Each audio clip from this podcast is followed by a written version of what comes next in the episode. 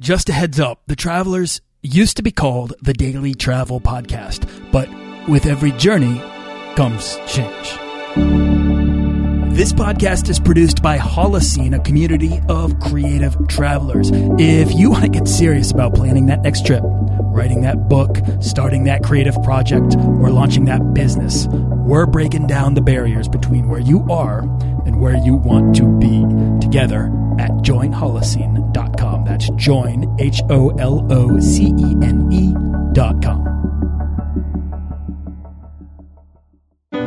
This is episode 52 with Indie Travel Podcast's Craig Martin. Do you want to travel further and more often to visit new places and meet new people and expand the role that travel plays in your life? I'm your guide, Nathaniel Boyle, an explorer that wants to help you get out, see the world, and find meaningful, life changing experiences. Everyone wants to be adventurous and have great stories, to do the stuff of legend. This is the Daily Travel Podcast. Okay, explorers, here's the thing. Podcasts really need your input, particularly your reviews. And if you could leave me a review on iTunes, I would love you for it. I'll even try to feature your review right here on the show. So feel free to ask any travel question or leave your best travel tip, and I will do my best to get it featured on an episode of the Daily Travel Podcast. Craig Martin and his wife Linda uh, worked multiple jobs to pay off their debts, and in 2006 went on a world tour, during which they started a podcast before anyone knew what podcasts were. Uh, it was called the Indie Travel Podcast. Was still is that uh, focuses on stories from the road, ways to fund your travels, and practical advice, and was called the best travel podcast according to Lonely Planet, uh, among other accolades. So uh, I think they also like craft beer, which automatically makes them my kind of people.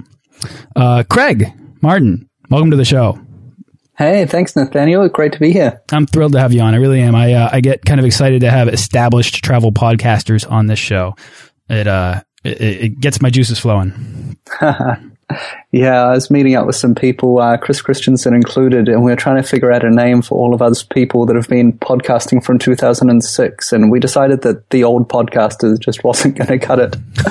it's like you guys are uh, you guys are, yeah, like podcasting veterans. So where are you coming from right now?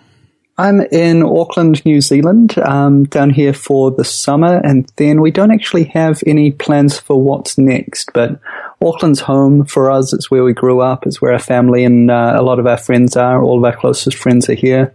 And so we try and come back for four to six months every two years. It's kind of 18 months away, four to six months at home kind of, kind of pattern. So yeah, we're here for the summer, and there's no better time to to be in Auckland. I love Auckland. I had, uh, I'd say, I cut my traveler's teeth in in Auckland, and uh, I still think to this day I had the best uh, best fish and chips I've ever had in Devonport. Oh yeah, yeah, yeah some good stuff around, and some nice beaches to to sit on and uh, and eat them as the sun goes down. Absolutely. All right. Okay. So I've given um, an extremely brief overview of who you are, but I want you to tell us about yourself, if you might, and how you got started traveling. This is always a little bit of an embarrassing story for me because uh, Linda and I started going out during university, and uh, that was back in 2000, I'm going to say. And we were driving down the well, no, we were sitting at uh, her place one day, and Linda was going through a newspaper, and she went, "Well, you know what? After we finish uni, we could go to China and teach English. She, she was looking through the, the classifieds, and I went, you know what? That's a really dumb idea. There's there's nothing I would I would like to do less um, than go overseas immediately after finishing uni with our student loans and you know no yep. support network. and um, yeah, we were driving down the motorway a few days later and I had a brilliant idea. And I said, Linda, you know what we could do? After we finish uni, we could go to China or something and teach English over there. At which she went, "What? It's a great idea. Just think about it." And uh, and she went, "Yeah, but that's my idea. You, I, I told you about that a few days ago." and so um, that was that was the thing that kind of got us planning to be overseas, to live overseas, and uh, yeah, since then we have never ever been to China unless you unless you include Hong Kong and Macau.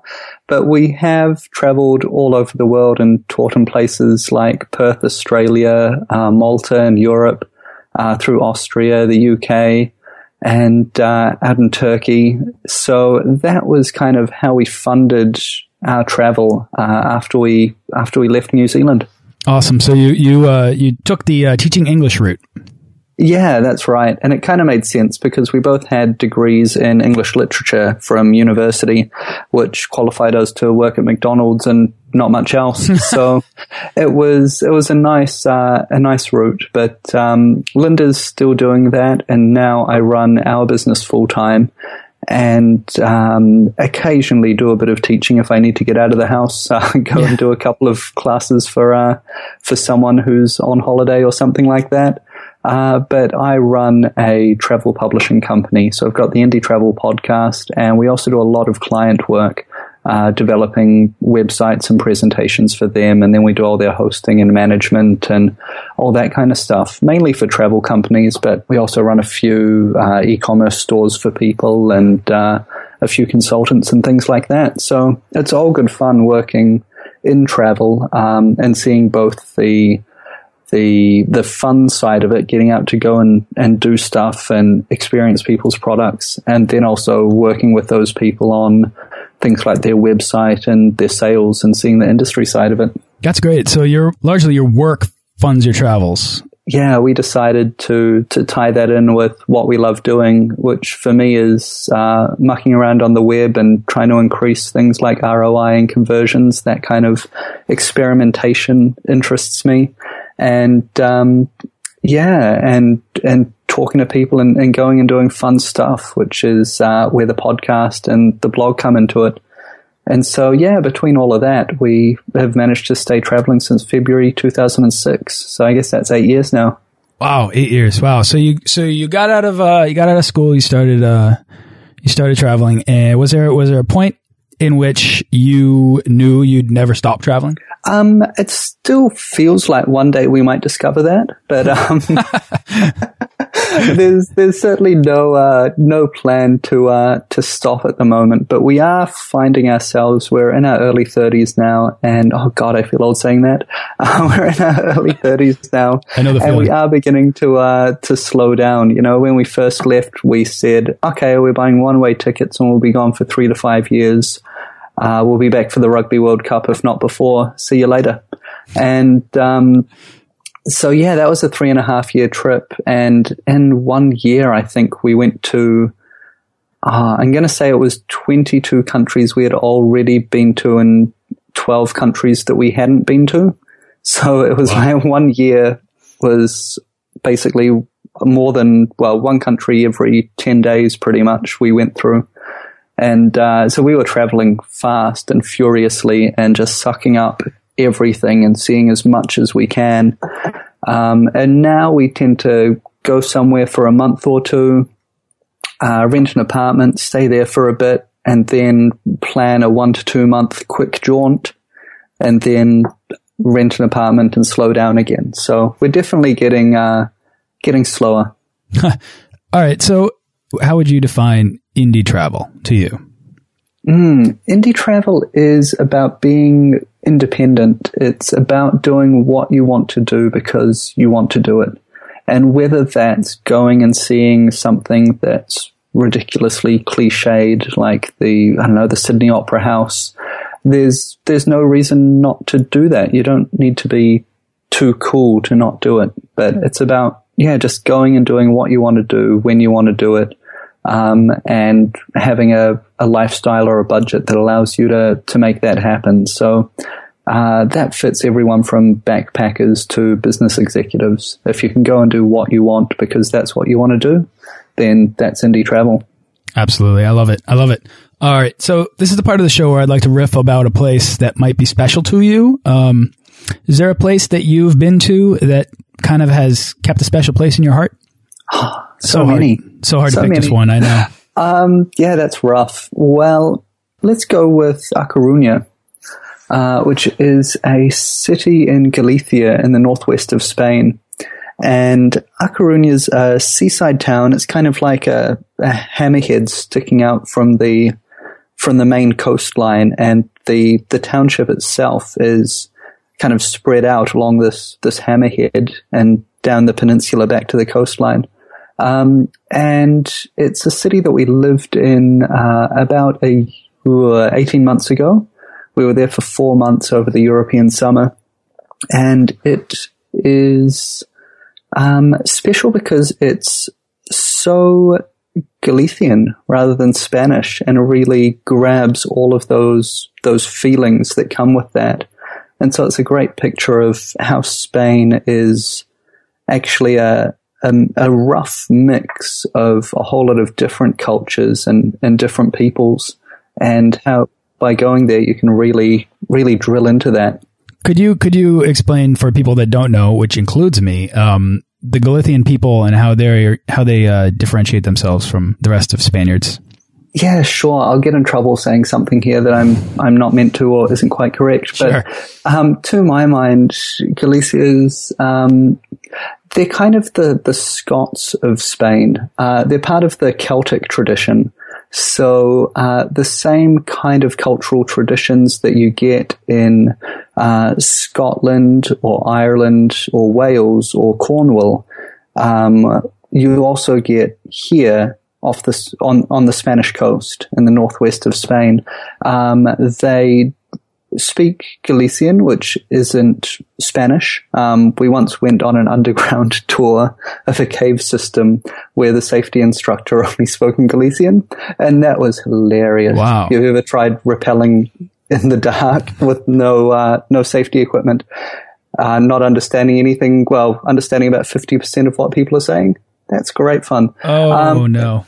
but yeah, they they play the bagpipes. They wear kilts. Um, it's it's a very much a, a, Celtic place, and that goes for the people as well. I think a lot of uh, a lot of foreigners have a stereotype of Spaniards as being this kind of super high energy, super bubbly kind of people, um, and the Galicians are different. They're a little bit more more European or more not European, a little bit more British maybe in the way that they uh, will say hi to you, smile and nod, but hold you at a distance until they get to know you, and then you're friends for life, and uh, that's that's inseparable after that point. After you kind of cross the threshold.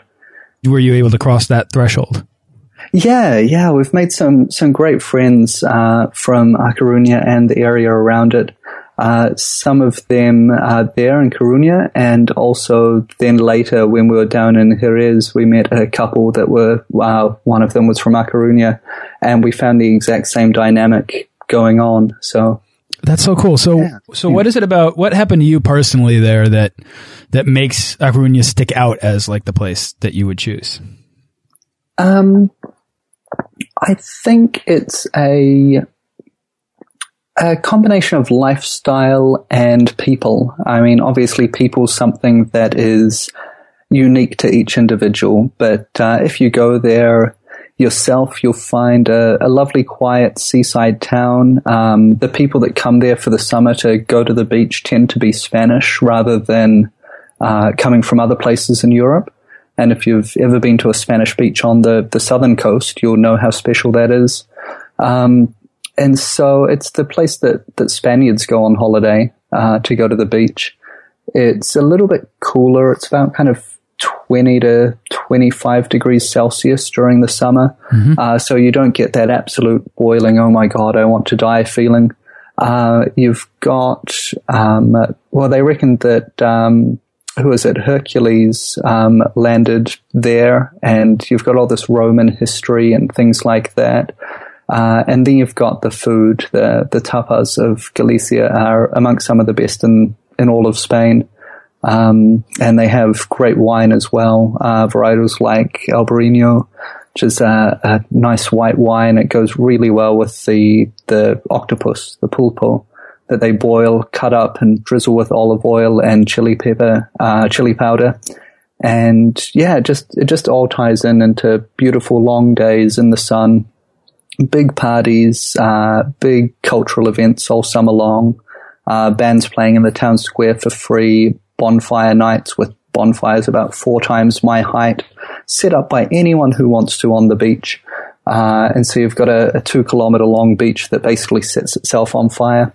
Um, just crazy, crazy events, uh, great people, great food, and uh, long summer days. So unbelievable, every everything I love. Yeah, this place sounds magical. I mean, you had me uh, at Octopus or maybe Albarino, but then it just kept going. I, I sign me up. I, am going to buy a plane ticket right now. Um, now we're at the part of the show uh, where we boil down the how and the why of travel into pragmatic advice. So it's a bit of a lightning round. I'm just going to throw some questions your way. And uh, I'm sure you've got the perfect answer for everything. All right. So uh, for a lot of people, you know, taking that first step out the door can be the hardest part of uh, of travel. So what's your advice for anyone dreaming to take that first step to becoming a world traveler? Uh, at the end of the day, you just have to go. There's no amount of planning or preparation or organization or anything else is going to help you if you don't actually just cancel your subscriptions, um, you know, cancel the rent, get someone into your house to look after it while you're away and walk out the door. So, um, set an achievable date and leave then. So the biggest hurdle for most people who want to travel more is cost. Uh, do you have a secret money saving tip or travel hack? Yeah, look look carefully at uh, your options. Normally, your biggest costs are uh, long flights and accommodation. So when it comes to long flights, do as much research as you can online. Then call up a local travel agent and say, "Hi, I've got this these flights. I've got them priced at this amount. Can you beat it?" Um, and they can they can see whether it's worthwhile for them to do that or not. Uh, sometimes you can make a saving there. Otherwise, you've just convinced yourself that you've got the best price available.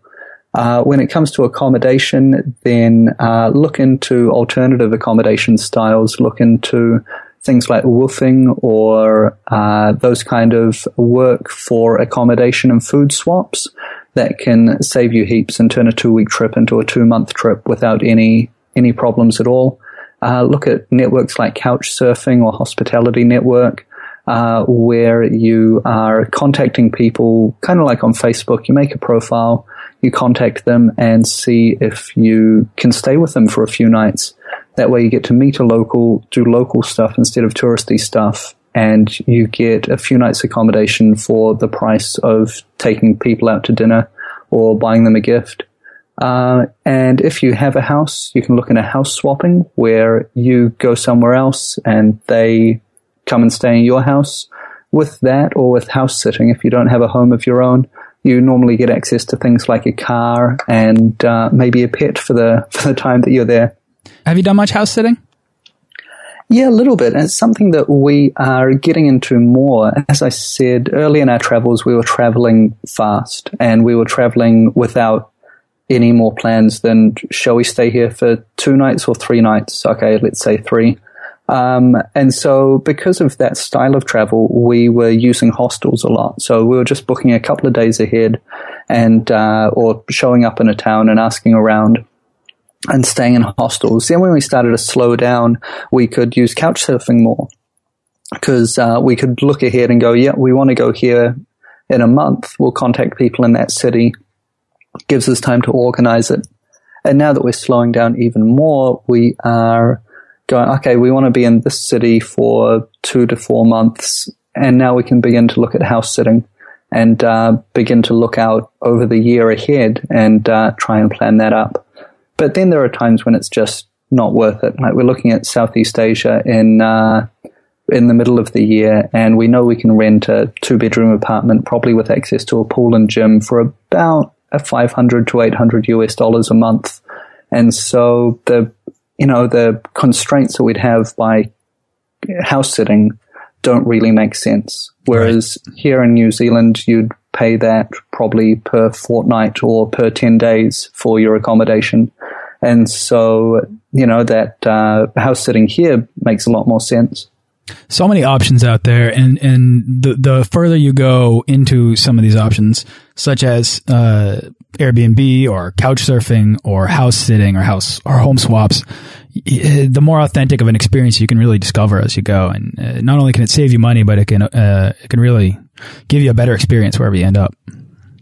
Yeah, we were in uh, Dubrovnik a few months ago on the Croatian coast. It's a really popular destination.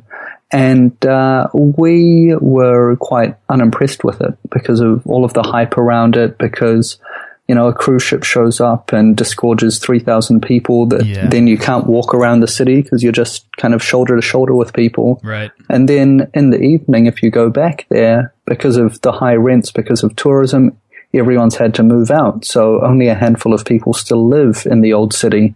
And so at night, it's kind of dead with the exception of bars and restaurants that are catering to tourists. So we uh, we were lucky in that we uh, booked accommodation out in the suburbs, about a 20, 20 to thirty minute walk away from the old city, and we actually found a whole lot more life and energy there than we did in the the thing that everyone comes to see. You know, so uh, sometimes you just get lucky with things like that, and that you are. You know, you just make the right choice accidentally. But certainly living in the living in the burbs, living where where residents live can make a huge difference to how you experience a place. Absolutely. It can open your eyes. Yeah. Another thing on that uh, kind of house swap thing, that geo leveraging is, well, I call geo leveraging is vital. So this is when you, uh, maybe if you go, okay, I need to, I need to do some work this year. Well, work in places that have strong economies that will translate well into other places or I am saying it's it's wise for us to house sit in New Zealand because the rents are high, but it's not so wise to rent in uh, a village. Uh, sorry, to house sit in a, a, village in Thailand because the rents are, are so low comparatively. Right. So if you can kind of plan your trip around that, um, if you go, okay, I'm going to go and teach English for six months and then explore, um, go go to Asia, teach English for six months, then explore well, make sure you're working in Korea or Japan, maybe Hong Kong, maybe some of the Chinese cities. Work in places that have the strongest economy, because then the, anything you take out of there is going to go a lot further. That's a great point. We are we are way down the rabbit hole of accommodation talk right now, but uh, but it's a, yeah, it's a great it's a great point for anybody that's thinking long term long term travel or doing working remotely or location independently or whatever you want to call it uh, that's economies of scale are definitely uh, economies are definitely something to pay attention to. All right, Craig. Uh, packing is easily my least favorite part of travel. Uh, do you have any advice to help people pack? Uh, yeah, just take one bag. Uh, yeah. Make sure it's carry-on size, and make sure it's under ten kilos. Yes. Then uh, put everything that you want in it, and if it doesn't fit, don't take it. That's exactly my advice. Great advice. Do you have a, uh, a favorite internet travel tool or resource? Um, the Indie Travel podcast has always worked well for me. Um, I you I let Linda do most of our planning, and so I very seldom actually jump on and look at flights or times or things like that. Um, and so, yeah, I don't know. I love going on Twitter and going, I'm going to this place. What shall I do?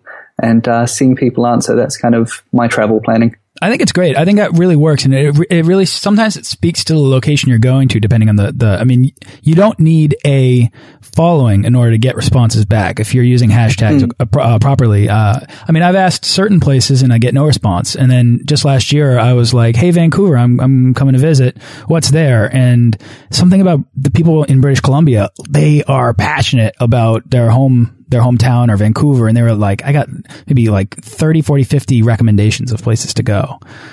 And mm. it's such a good way to do it, if, especially That's if you awesome. pick, pick the right place. Yeah.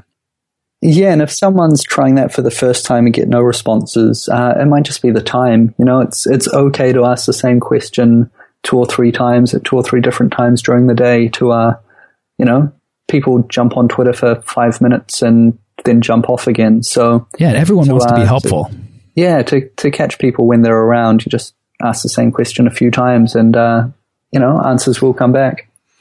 Craig, do you have a favorite book that inspires your travels? Interestingly enough, and very complexly, um, Heart of Darkness by Joseph Conrad, oh, wow. which is the novel that Apocalypse Now, uh, the Francis Ford Coppola movie, was based on. Um, so you can take those ideas of uh, a social injustice of empire, of being someone who travels through a place and is profoundly changed uh, through it in ways both positive and negative.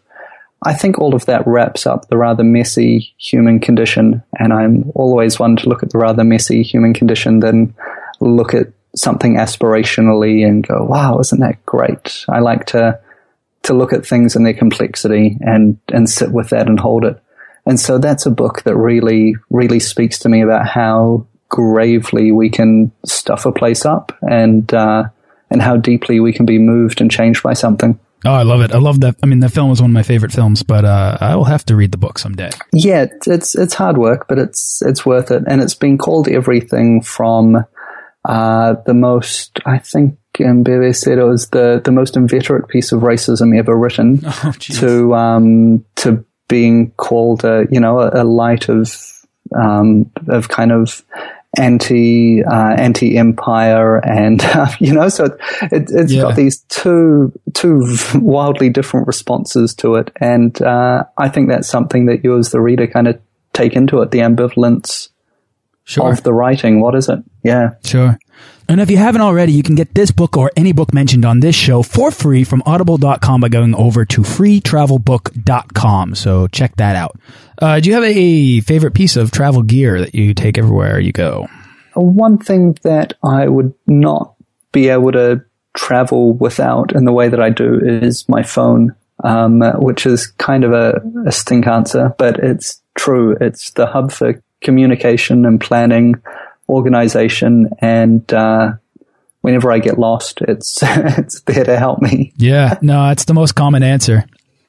Yeah, um, I, I think it's something that you just can't can't be without. Um, if you want to, you know, travel in a in a way that demands structure or communication, um, it can be nice to leave it turned off in the bottom of the bag for a few days and just see what happens. Um, but yeah, it's it's vital.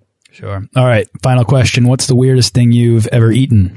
I reckon in uh, in Laos, we we were there. Um, we went to a market one night, and we were traveling on a, a, bus with a group called Stray Asia, and they do these kind of backpacker hop on hop off buses. So we we're with a group of other foreigners, and we went to this market, and we bought uh, about a kilo of boiled bugs. I don't know what they were. They were look a little bit like silkworms or something like that.